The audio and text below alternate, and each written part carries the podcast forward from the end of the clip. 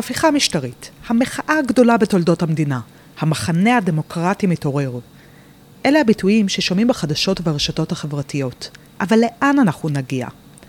אני מיכל גרה מרגליות, ואני מזמינה אתכם ואתכן להצטרף אליי למסע לבניית היום שאחרי המחאה. שלום לאביגיל שחם. שלום, מיכל. איזה כיף שאת כאן. גם לי. אה, כמה מילים עלייך, עורכת דין ומזכ"לית משותפת אה, של כוח לעובדים. נכון. יחסית טריה בתפקידך. ממש, רק כמה, כמה חודשים. אבל אה, לא מעט שנים בארגון. נכון, שמונה, תשע שנים כבר כן. בכוח לעובדים.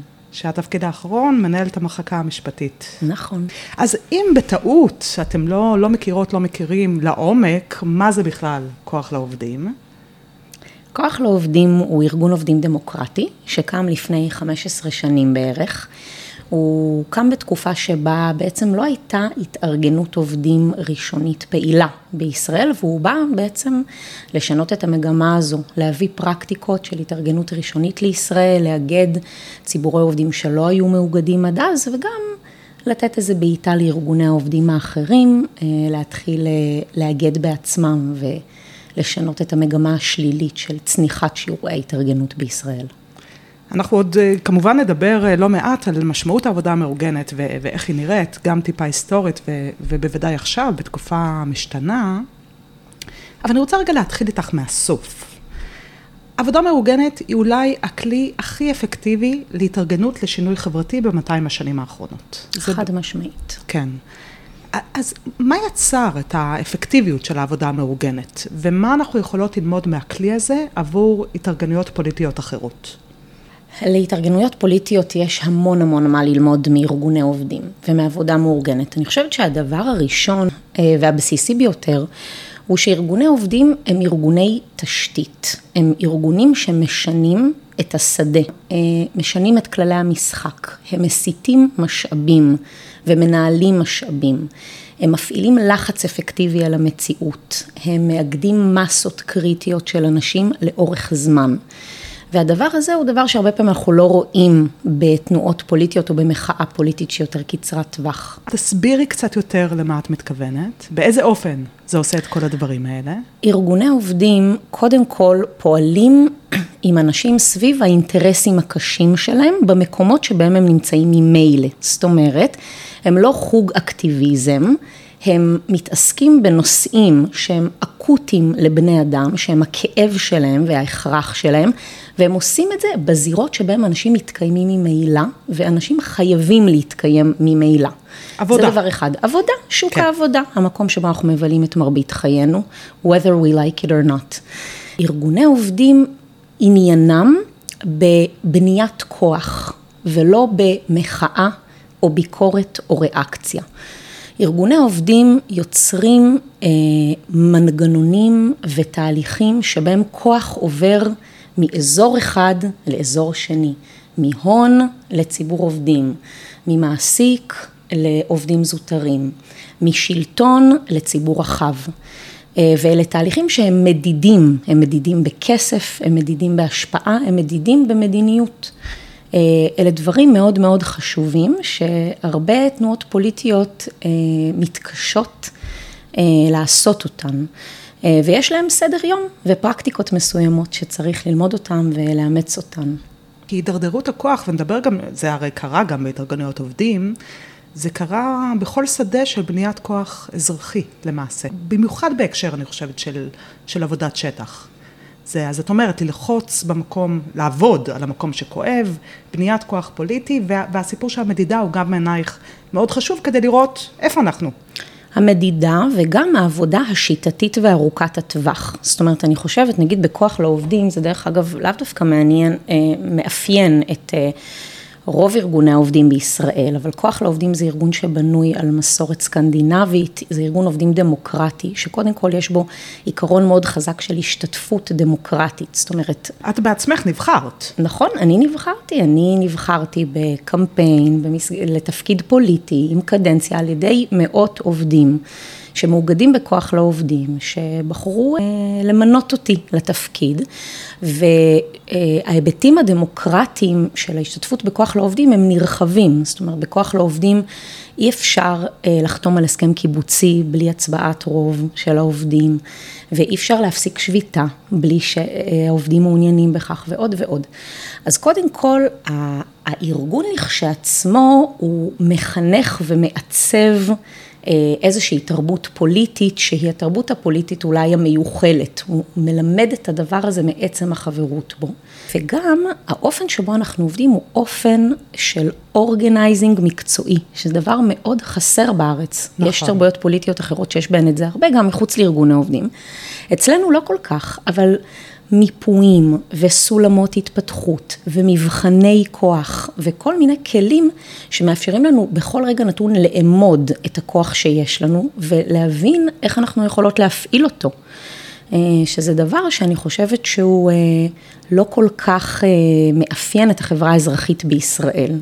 אלה כלים ואופני פעולה שצריך עוד להטמיע אצלנו. כן. אני כן, אנחנו כן נמצאים בתקופה שהיא, שהיא בוערת בחודשים האחרונים, ואפשר לראות את זה בהרבה זירות אה, אזרחיות והשפעה אדירה על החיים שלנו, שזה הכאוס שהרפורמה המשפטית, סלאש ההפיכה המשטרית, אפשר לקרוא לזה בכל שם שהוא. ובתקופה, דווקא בתקופה כזאת, אני חושבת ששמעו מעט מאוד את הקול של ארגוני עובדים ועובדות. זה נכון שאחרי המחאה על פיטורי גלנט, אז היה, רצו שעתיים שביתה, זה היה יום שלם, בסדר, אבל הדבר הזה, גם ההסתדרות הייתה בעצם האחרונה להצטרף, אחרי אה, ראשי הרשויות, אחרי כוחות אה, ש, שפעלו בתוך הזירה הזאת. למה בעצם אנחנו לא רואים ארגון כמו כוח לעובדים עומד בראש החץ של המחאה? שאלה מצוינת וחשובה. אני חושבת, קודם כל, את יודעת, במסגרת ההתמקמות של כל ארגון עובדים במרחב, כוח לעובדים גם בסוף מרץ קיבל החלטת הנהגה ופרסם אותה שהוא תומך באיגודים שרוצים לצאת לשביתה על רקע אה, הרפורמה המשפטית, ההפיכה המשטרית.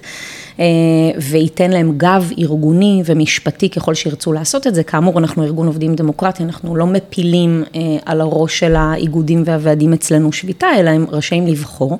אבל את צודקת שארגוני העובדים הם לא בחוד החנית של המחאה הזו כרגע, ואני חושבת...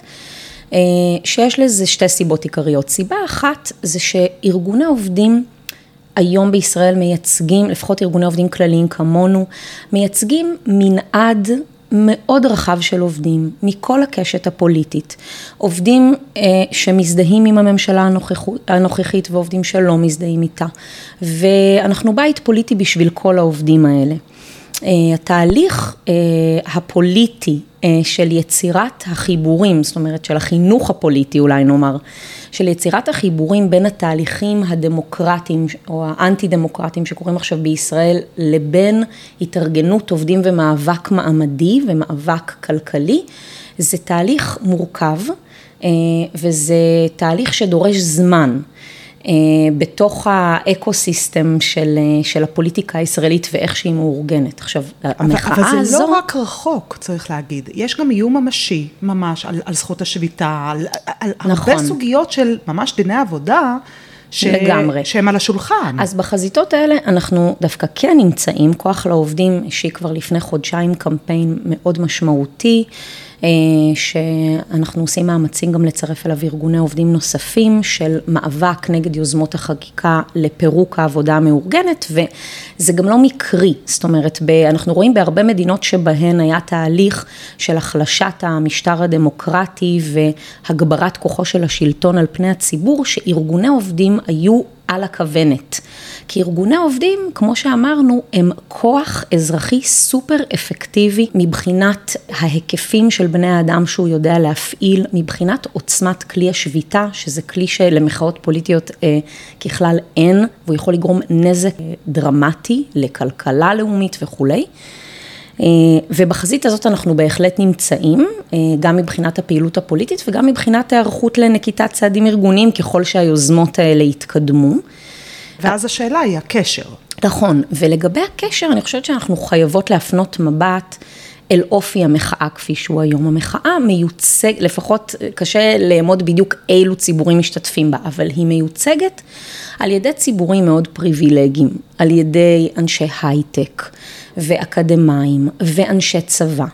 ואלו ציבורים שהאנשים העובדים בישראל לא רגילים להזדהות איתם ולא הצליחו לשאוב מהם תמיכה וסולידריות ביחס למאבקים שלהם. הציבורים של המחאה האלה לא ציבורים שיצאו לרחוב בשביל מאבקי עובדים, אלה ציבורים שבדרך כלל מצקצקים על שביתות ומסתכלים עליהם כצרכנים שמתמרמרים ששירותים משובשים, שלא מבינים את החשיבות החברתית של הכוח האזרחי של ארגוני עובדים ולכן אין לנו פה מחנה. סביב הנושאים האלה. אין זיהוי בחברה הישראלית, בזהות הפוליטית הישראלית, בין המאבק לשוויון למאבק לדמוקרטיה, בין התפיסה הליברלית לתפיסה הסוציאל דמוקרטית. זה עבודה שצריך לעשות אותה. כן, אמרת שטוב שהעבודה המאורגנת חושבת לאורך זמן. אנחנו גם, גם נתעכב על זה אה, עוד קצת, אבל בואו נדבר שנייה באמת על הסיפור של אה, התארגנויות עובדים. אז כמו שאמרת, עבודה היא המקום שבו אנחנו מבלים חלק עצום מהחיים שלנו, ו- ואנחנו יודעות ויודעים ש- שגם, כמובן ברמה גלובלית, אבל בישראל ה- היו הרבה מאוד תמורות בכל מה שקשור להתארגנויות עובדים. ההסתדרות אמנם קמה ב-1920, עוד לפני המדינה, שלא אמר, היא הייתה בעצמה המדינה, הרי שמדברות, mm-hmm. מדברים על מפא"י, מה זה מפא"י? זה מפלגת פועלי ארץ ישראל, זה, נכון. זה פשוט, uh, הדברים האלה באו, באו ביחד. אבל גם אם לא נלך כל כך אחורה, בשנות ה-80, 80 אחוז מהאוכלוסייה העובדת בישראל הייתה מאוגדת. והמעבר לכלכלה יותר קפיטליסטית, ואני חושבת שבעיקר הוצאת קופות החולים ואחר כך קרנות הפנסיה מהתארגנויות העובדים, היא הורידה בצורה מאוד מאוד משמעותית את מספר העובדות העובדים המאורגנים. אה, כיום מדובר בערך ברבע, נכון? נכון, בערך 25 אחוז. כן, ו, ומה שעוד ראינו מאז זה א', את אה, תופעת הדורות, הדור א', דור ב' בהתארגנויות עובדים, שאנחנו לא ניכנס לסיפור הזה, אבל זה סיפור מאוד קשוח, וגם אחוז אדיר באופן יחסי של עובדי ועובדות קבלן, שהם בכלל מתחת לפירמידה בצורה מאוד ברורה. והשינוי, וכל מיני שינויים עדיין מתרחשים. אז איך אתם, כ... התארגנות עובדים דמוקרטית, יחסית חדשה, צעירה, יותר בועטת, מתמודדים עם שוק תעסוקה משתנה. אפשר גם לדבר על אה, כלכלת הפלטפורמות, על וולט, על אובר, דווקא לא בסוגיה אם הם עובדים או, או עצמאים, אלא פשוט יותר ויותר אנשים יוצאים מהמסגרות הקלאסיות של העבודה, ומה העתיד בתוך שוק תעסוקה כזה של התארגנויות עובדים? אז אה, טוב, באמת אצלנו ב- בישראל יש היסטוריה יחסית ייחודית של, של התארגנות עובדים, וכמו שתיארת, בלי שנלאה באיזה סקירה היסטורית, ההסתדרות היא לא, היא לא ארגון עובדים קלאסי במובן הזה שהיא קמה מאוד קרוב לממסד. אה, והיו בזה המון יתרונות ועדיין יש בזה המון יתרונות, זאת אומרת זו מערכת יחסים קורפורטיסטית שבתוכה גורמי על מעצבים את שוק העבודה ביחד, זה יכול להיות דבר נפלא, כל עוד יש מדיניות אה, וממשלה ושלטון שמכירים בארגוני העובדים כפרטנרים בלתי נפרדים מעיצוב המשק והמדיניות הכלכלית חברתית. אנחנו מאוד מאוד התרחקנו מזה בישראל בשלושים השנים האחרונות ולכן גם ארגון אה, ממסדי יותר, כמו ההסתדרות, איבד את מעמדו בצורה משמעותית, זה לא רק גם ההסתדרות, אפשר להסתכל על ההסתדרות הרפואית, על ארגוני המורים, אלה ארגונים מאוד מאוד משמעותיים, שפעם היו פרטנרים אמיתיים לעיצוב המערכות הציבוריות, והיום הם לא. עכשיו העניין הזה של יותר ויותר עובדים שעוברים לכלכלת פלטפורמה ולהעסקה קבלנית, זה כמובן מדיניות, זאת אומרת זו מדיניות שבה משחררים עוד ועוד את המעסיקים ואת המשק מהעול במרכאות כפולות של העסקה הוגנת, של העסקה ארוכת טווח, של צמיחת שכר. אה, הדברים מכוונים לשם, זו מדיניות ניאו-ליברלית מובהקת. עכשיו, כוח... נכון, אבל צריך להגיד שעובדי קבלן, האחוז שלהם בישראל הוא, הוא למיטב ידיעתי, הוא יוצא דופן. זאת אומרת, זו לא תופעה שהיא, שהיא דומה בהרבה מקומות, לעומת כלכלת הפלטפורמות. שאותה אנחנו, זה, זאת מגמה גלובלית לחלוטין, בכל העולם המערבי שהולכת וצומחת. נכון, אני חושבת שזה, בלי להיכנס לדקויות, אני חושבת שזה וריאציות על אותו דבר. זאת אומרת, כלכלת הפלטפורמה היא איזושהי שכלול, את יודעת, יש מדינות שיש בהן הרבה עבודת קבלן, ויש מדינות שיש בהן המון הגירת עבודה. אז גם אם זה לא עבודת קבלן מבחינה כן. משפטית, זה, זה עבודה אה, אה, מאוד מאוד מאוד חשופה, מאוד מאוד פגיעה, בכל מיני מובנים. עכשיו, כוח לעובדים נכנס לזירה הזו ככה, אנחנו מאגדים, אנחנו ארגון עובדים כללי, מאגדים המון המון סוגים של עובדות ועובדים, אבל ההתמחות שלנו, אפשר לומר, זה בעובדי ועובדות השירותים הציבוריים המופרטים, אוקיי? אנחנו מאגדים המון אה, מורי קבלן, בין אם זה בפרויקטים שמשרד החינוך הפריט, בין אם זה במכללות ציבוריות אה, אנדרדוג בתור, בתוך מערכת ההשכלה הגבוהה, אנחנו מאגדים נהגים, שזה אה, תחבורה ציבורית היא שירות ציבורי מופרט, אנחנו מאגדים שירותי רווחה ובריאות נפש אה, שהופרטו על ידי משרד הרווחה ומשרד הבריאות ומופעלים על ידי, על ידי זכיינים במכרזים תקופתיים, אה, עם כוח אדם שמצליח להחזיק עשרה חודשים בתנאי העבודה שהזכיינים האלה מציעים להם. וככה גם הציבור מקבל את השירותים האלה היום. אז... ואנחנו לא כל כך זוכרים או יודעים שזה יכול להיראות אחרת. זה, זה גם דבר מדהים שקרה. זאת אומרת, המציאות הנוכחית, התחושה היא ש, שזה מה יש. נכון, בוא ניקח כדוגמה אקטואלית, ממש משולחן העבודה של כוח לעובדים עכשיו, אנחנו מאגדים את מורות הילה. הילה זה פרויקט של משרד החינוך שהופרט לנוער נושר מתיכונים. בהחלט הנוער הרגיש ביותר שיש אינטרס על לחברה לטפל בו, לטפח אותו, להביא אותו לכדי תעודת בגרות ותפקוד חברתי והכל. המורות האלה הן מורות קבלן שמועסקות על ידי זכיינים, מתחלפות מעת לעת, לא יכולות לצבור ותק וזכויות ומעבר לזה גם לא יכולות לשמר את ההסכמים הקיבוציים שהן עובדות כל כך קשה כדי להשיג. עכשיו ממש לפני כמה ימים אה, התפרסם מכרז חדש לתוכנית הילה שדרדר עוד יותר את תנאי המורות ואפילו קבע שלא נדרשת תעודת הוראה כדי ללמד בפרויקט הילה. זאת אומרת, אה, גם אם נשים בצד את העובדים, מבחינת המדינה, השירות החברתי הזה שנקרא חינוך חובה לנוער נושר, הוא דבר שאפשר אה, לתת ל... לעובדים לא מיומנים ומזדמנים לבצע אותו, ובהתאם גם תנאי השכר. ואותה מציאות בתחום הרווחה. אותה, המציאות בתחום הרווחה היא מחרידה, היא, היא מבעיטה. מי שיש לו פרספקטיבה, למשל, אנחנו מאגדות את אה, עובדות, את עובדות ועובדי חסות הנוער. מדובר במעונות ממשלתיים סגורים, בהוסטלים, בקורות גג, לנערות ונערים שהרבה פעמים הוצאו מהבית בצו בית משפט, נמצאים באמת ב, לפעמים ממש בסכנת חיים. והשירות הזה הוא שירות עני, רמוס. אה, היכולת אה, לקיים איזשהו דיאלוג אמיתי עם משרדי הממשלה שהם הרגולטורים ושחררו את עצמם מחובת המעסיק כבר לפני שנים רבות, היא מאוד מאוד מאוד דלה. אה, השיח הוא שיח של התייעלות, של חיסכון תקציבי, אה, הוא לא שיח של טיפוח שירות ציבורי. אה, וזה המציאות, זו מציאות, אפרופו החיבור בין הדברים, זו מציאות שצריכה להטריד את כל אזרחיות ואזרחי ישראל ברמה היומיומית. אנחנו נמצאים בסיטואציה שאנחנו לא יכולות להסתמך על שירותים חברתיים סבירים כמעט בשום תחום בישראל. וכדי להיות מסוגלות להסתמך עליהן, אנחנו חייבות אה, להיאבק למען זכויות העובדות והעובדים שנותנים אותם. זה, זו החזית שאנחנו נמצאים בה וזו המציאות שאנחנו נמצאים בה ויש כל מיני אסטרטגיות איך להתמודד עם מציאות כזאת. אני רוצה בשנייה להישאר אה, בסיפור הזה. נניח והיינו רואים שיפט בתוך מדיניות והייתה קמה ממשלה שהייתה אומרת אנחנו רוצים לקחת יותר אחריות על התחומים האלה. מה, מה היא יכלה לעשות? אומרת, האם הדבר הזה הוא בכלל הפיך? האם המדינה יכולה לקחת מחדש את אותם שירותים חברתיים מופרטים? אני חושבת שבחינוך זה יותר קל, כי עדיין המערכת ברובה הגדול היא, היא, היא בתוך משרד החינוך. אבל בר, ברווחה, זה, זה סוסים שברחו מהאורווה, או... אני בתפיסת עולמי חושבת שכל דבר המדינה יכולה לקחת חזרה, ובמקרים רבים ראוי שתעשה כך. אני גם חושבת ש... למה זה לא סוסים שברחו? כי יש פה איזושהי פיקציה, יש אשליה, המדינה לא באמת שחררה את השירותים האלה. המדינה באמצעות המכרזים האלה מכתיבה לפעמים כל תו ותג בשירות החברתי. לא רק לעניין אופן העסקת העובדים, אלא ברזולוציה, אפשר לתת עוד דוגמה של התארגנות שלנו של מטפלות המשפחתונים.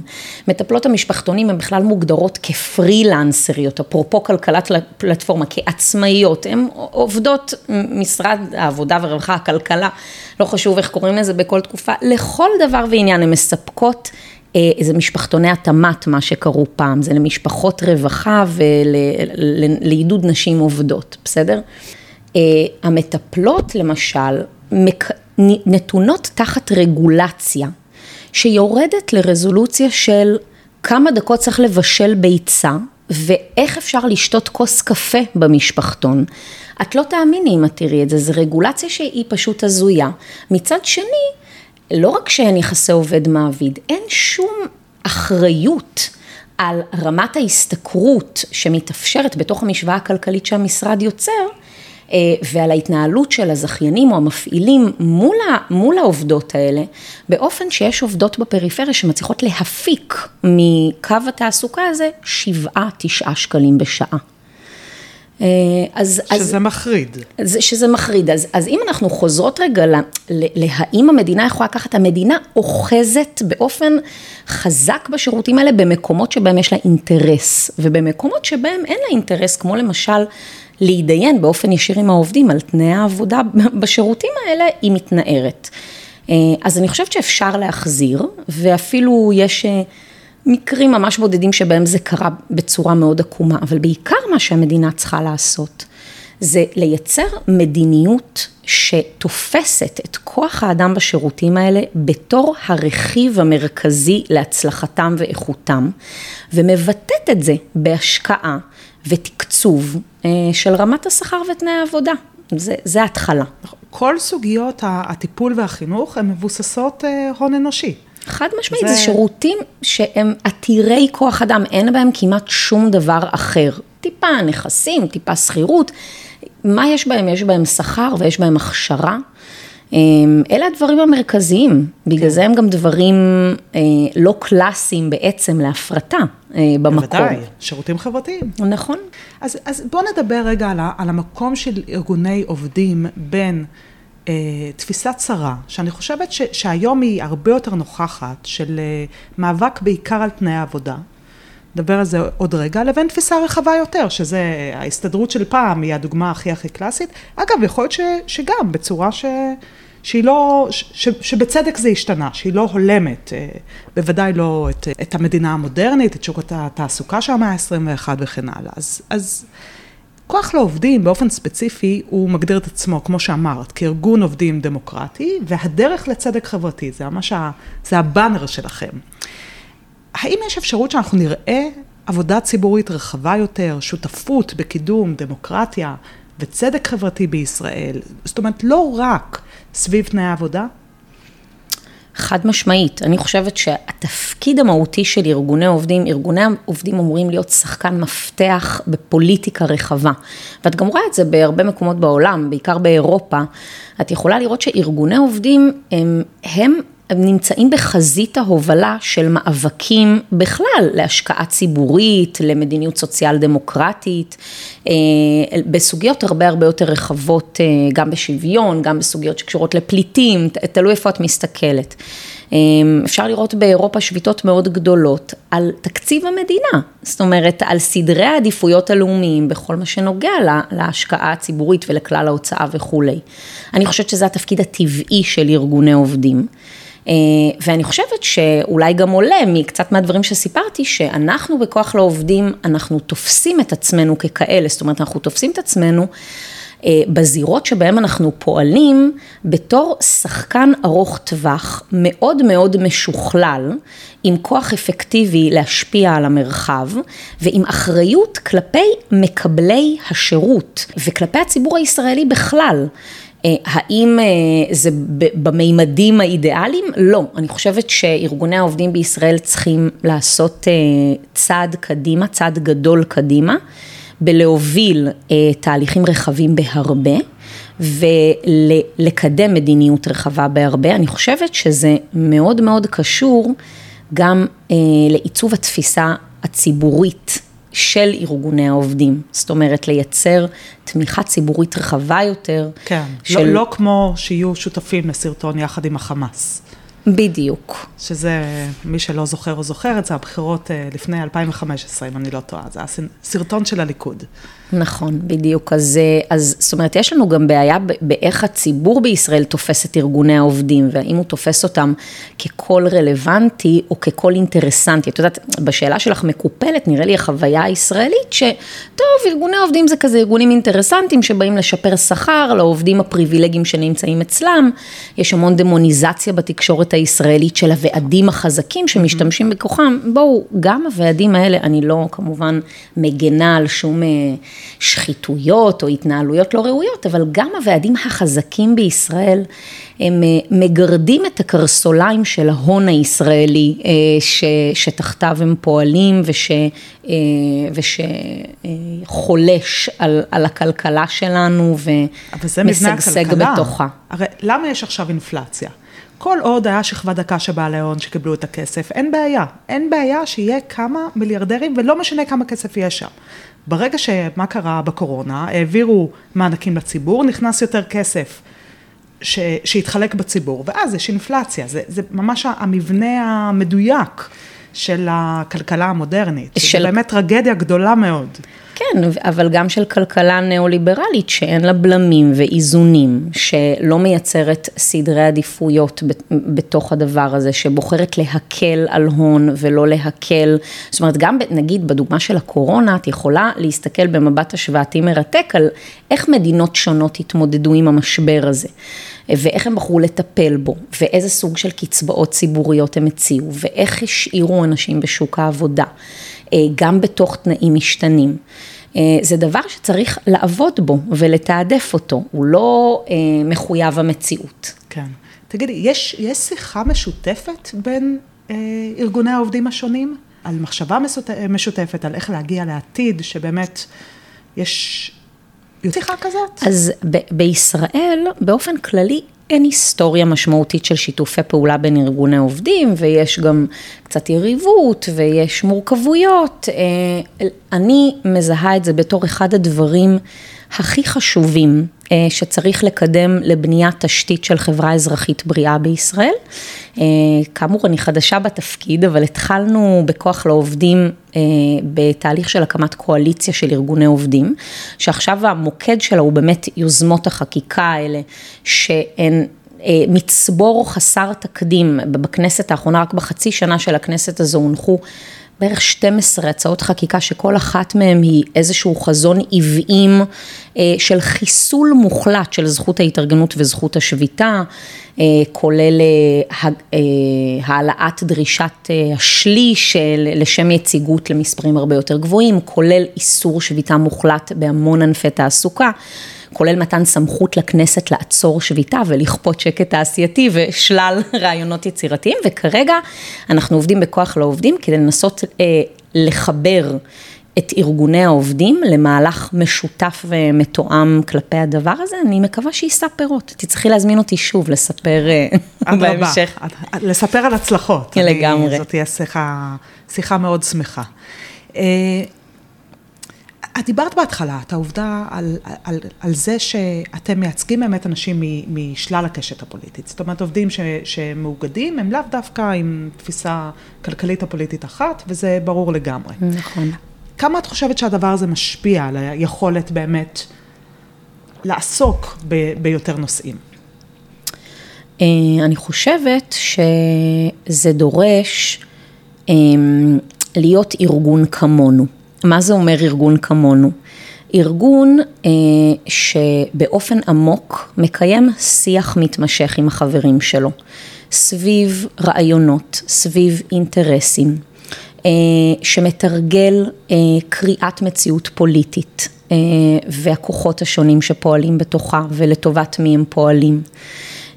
שמחבר בין מאבקים, שמלמד לראות את הקשר שבין תהליכים שונים. אני חושבת שלמשל, אחד מהדברים הכי משמעותיים שצריכים לקרות זה חיבור בין מאבקי עובדים למאבקים אחרים, אפילו מחוץ למחאה, מאבקים קהילתיים, מאבקים מוניציפליים, מאבקים מקומיים, כי הדברים הם קשורים בקשר אה, בלתי נפרד, אבל גם לציבורי עובדים וגם לציבור אזרחי אין הבנה פוליטית של הקשרים וה... וה סיסטמטיות אה, שבה מדיניות מתבטאת בתחומי חיים שונים. אני חושבת שהדרך היא דרך של לעשות אה, לקיים שיח פוליטי לאורך זמן. תראי, בכוח לעובדים, מעבר לזה שיש המון המון פלטפורמות שבהן אה, העובדות והעובדים מקיימים שיח רחב על הקשר, על מדיניות, על כוח, אה, יש גם מפגש שהוא כמעט חסר תקדים בחברה הישראלית בין כל, ציבור, כל ציבורים ש, שהם חברים בחברה הישראלית. ולא רק מפגש, אלא גם עבודה משותפת בצוותי עבודה, בוועדים, בכוח לעובדים, יש יהודים מסורתיים שבוחרים אה, ערבים להיות יו"ר הוועד שלהם. ויש... יש חרדים, אגב? יש בהחלט, ויש הרבה חרדיות, ויש אה, ועדים מדהימים של חרדיות שעובדות יחד עם...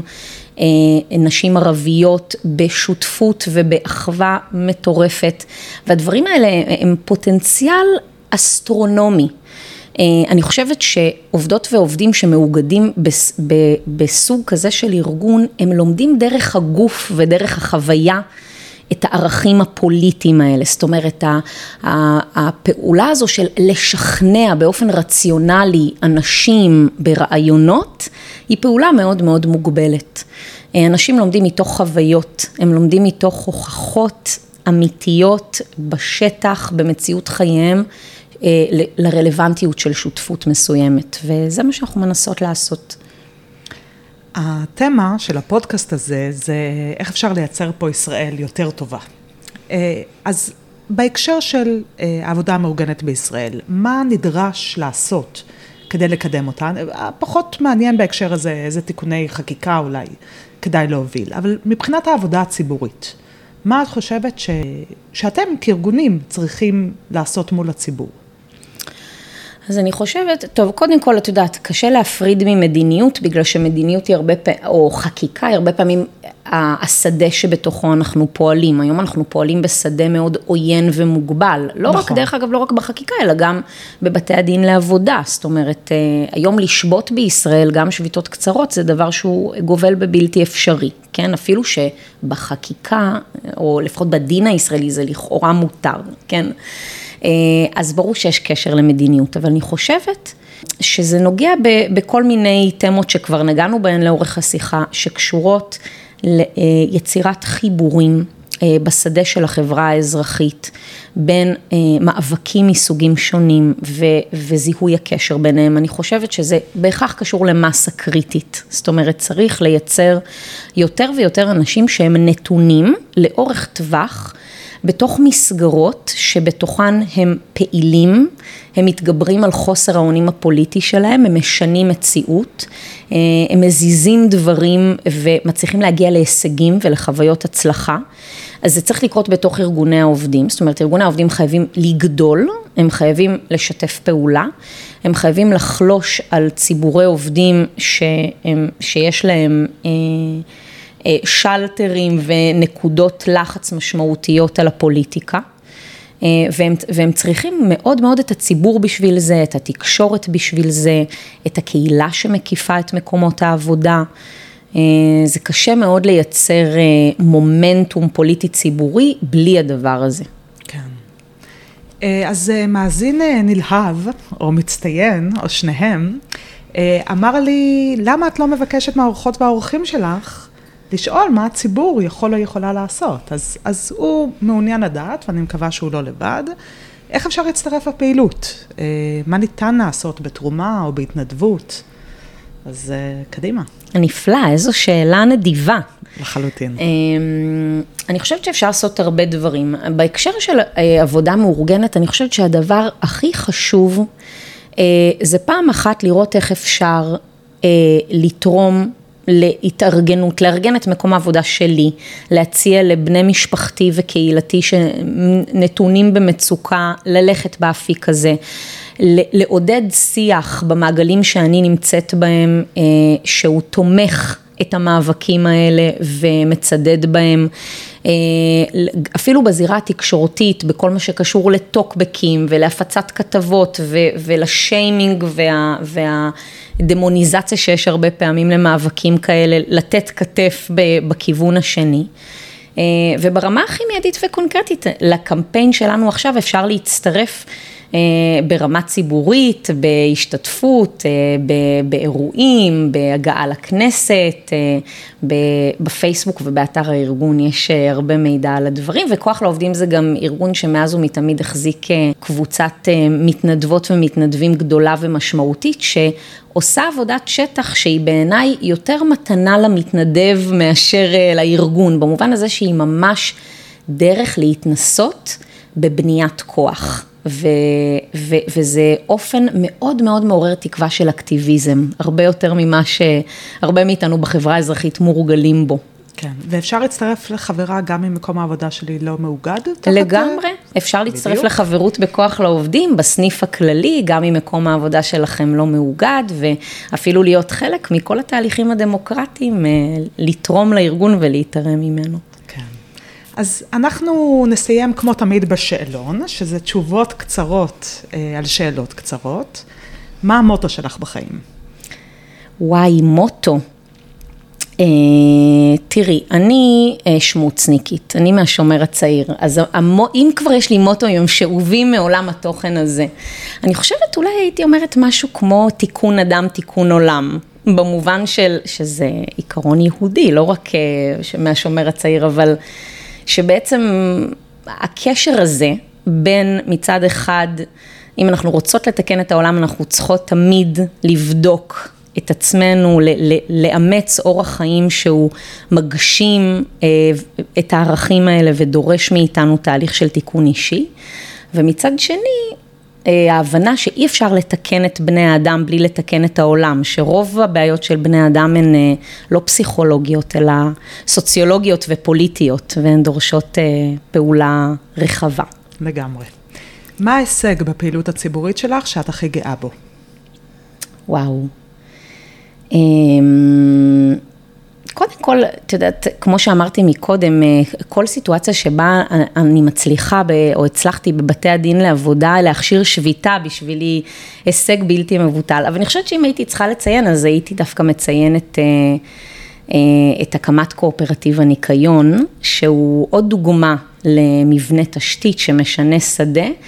אה, זו חברת ניקיון שהיא בבעלות עובדות הניקיון עצמן, והתחילה בתור איזה חלום אה, הזוי ובלתי אפשרי, והיום היא כבר אה, עסק משגשג שעובדות בו מאות נשים ומתפרנסות ממנו בכבוד. שהתחיל מגיוס המונים. שהתחיל מגיוס המונים, ונכון, שלציבור היה חלק מאוד משמעותי ביצירת המשאבים הכלכליים הבסיסיים כדי להקים אותו. כן. נכון. מה הטעות או הפספוס בפעילות הציבורית שלך שאת מצטערת עליו? Mm. אני חושבת שבשדה שאני נמצאת בו, הכישלונות הם אה, מאוד צורבים. בכלל, מישהו עורך דין, מישהו ליטיגטור, אז להבדיל מתהליכים חברתיים אחרים, יש לנצח או להפסיד בתיקים. זה דבר קשה מאוד. אז uh, עולים לי, את יודעת, uh, תיקים שבהם... זה קשה כשאת מפסידה. זה קשה כשאת מפסידה. זה יופי. זה אופוריה גדולה כשאת מנצחת. Uh, אבל איכשהו הכישלונות הם תמיד יותר מפוארים במציאות הפוליטית שלנו מההצלחות שהן מורכבות, אבל... אז באמת עולים לי תיקים שבהם בעיקר כשיש קבוצת עובדים שעושה מהלך כל כך כל כך אמיץ ומנסה להתארגן. אה, וההתארגנות הזאת אה, נשברת על ידי המעסיק, ואנשים חווים התנכלות קשה ופגיעה כלכלית נוראית, ו, ואת לא מצליחה להוכיח את זה, אה, או שהתהליך המשפטי, ההליך המשפטי הוא ממסמס ומורח את התהליך עד כדי תמותה, זה דברים שהם נצרבים חזק בלב, קשה להתאושש מהם. כן. אם היית שרה, איזה משרד ממשלתי היית רוצה? וואי, אין ברירה אלא להגיד אוצר. אני חושבת שהייתי מוצאת הרבה משמעות גם במשרדים אחרים, אבל מהיכרותי את משרדי הממשלה, אה, אין משרדים ממשלתיים היום שמסוגלים לקדם מדיניות אה, בלי משרד האוצר ולא תלויים באגף תקציבים. אה, אני חושבת ש, שהיום, לצערי הרב, הדרך היחידה לשנות משהו בזירה הזאת ובכלל בישראל זה דרך משרד האוצר, בכלל ההוצאה, בהשקעה בשירותים החברתיים וכל הדברים שדיברנו עליהם. כן. ושאלה אחרונה, האם את פמיניסטית? מה זאת אומרת? ברור, אין סוציאליסטית שהיא לא פמיניסטית. הלוואי וזה היה לגמרי מדויק, אבל אנחנו, אנחנו בדרך לשם. אין סוציאליסטית אמיתית שהיא לא פמיניסטית. לוקחת. אביגיל שחם, מזכ"לית משותפת של כוח לעובדים, תודה רבה שבאת לכאן היום. היה באמת תענוג. תודה רבה, מיכל, נהניתי מכל רגע. תודה רבה גם לכם ולכן שהייתם איתנו. אם הפרק הזה עניין אתכם, שילחו אותו לחבר או חברה. תירשמו לעדכונים באפליקציית הפודקאסטים החביבה עליכם, ותנו חמישה כוכבים לפודקאסט. זה יעזור מאוד. thank you